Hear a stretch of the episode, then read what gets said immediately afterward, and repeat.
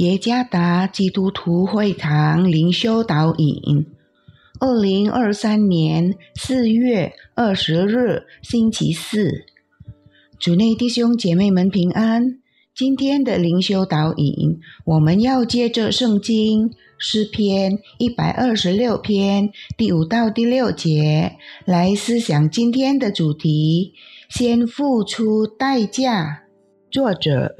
赖永新传道诗篇一百二十六篇第五到第六节：流泪撒种的必欢呼收割，那带种流泪出去的必要欢欢乐乐的带禾捆回来。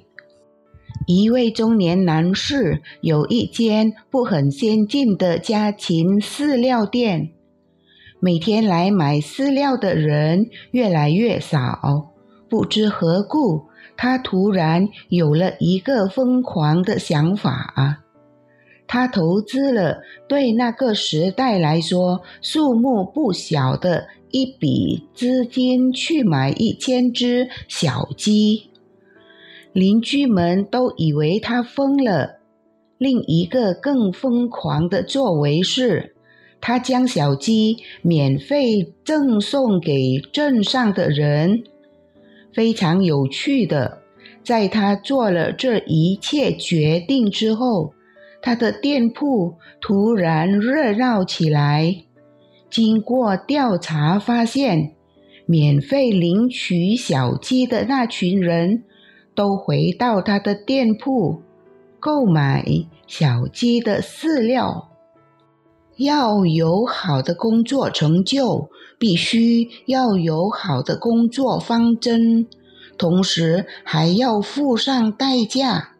圣经告诉我们：凡流泪撒种的，必欢呼收割。是的，我们必须流泪付出代价，才能成为神所能使用的器皿。有时候。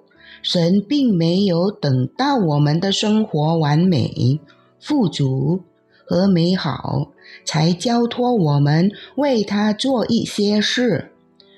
上帝给我们撒种的工作，因为他要教导我们一些功课。撒种和收割是一个不可分开的整体。如果我们撒了种，我们就能收割。反过来，如果我们不撒种，当然就无法收割，就这么简单。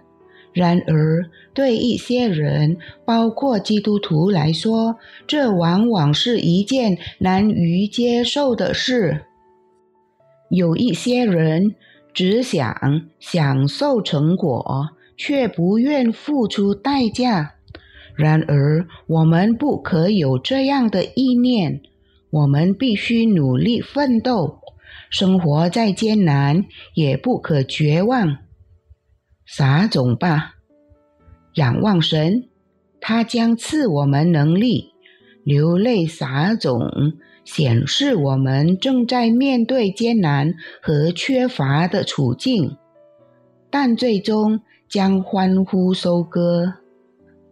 撒种的必要收割，不撒种的就没有收成。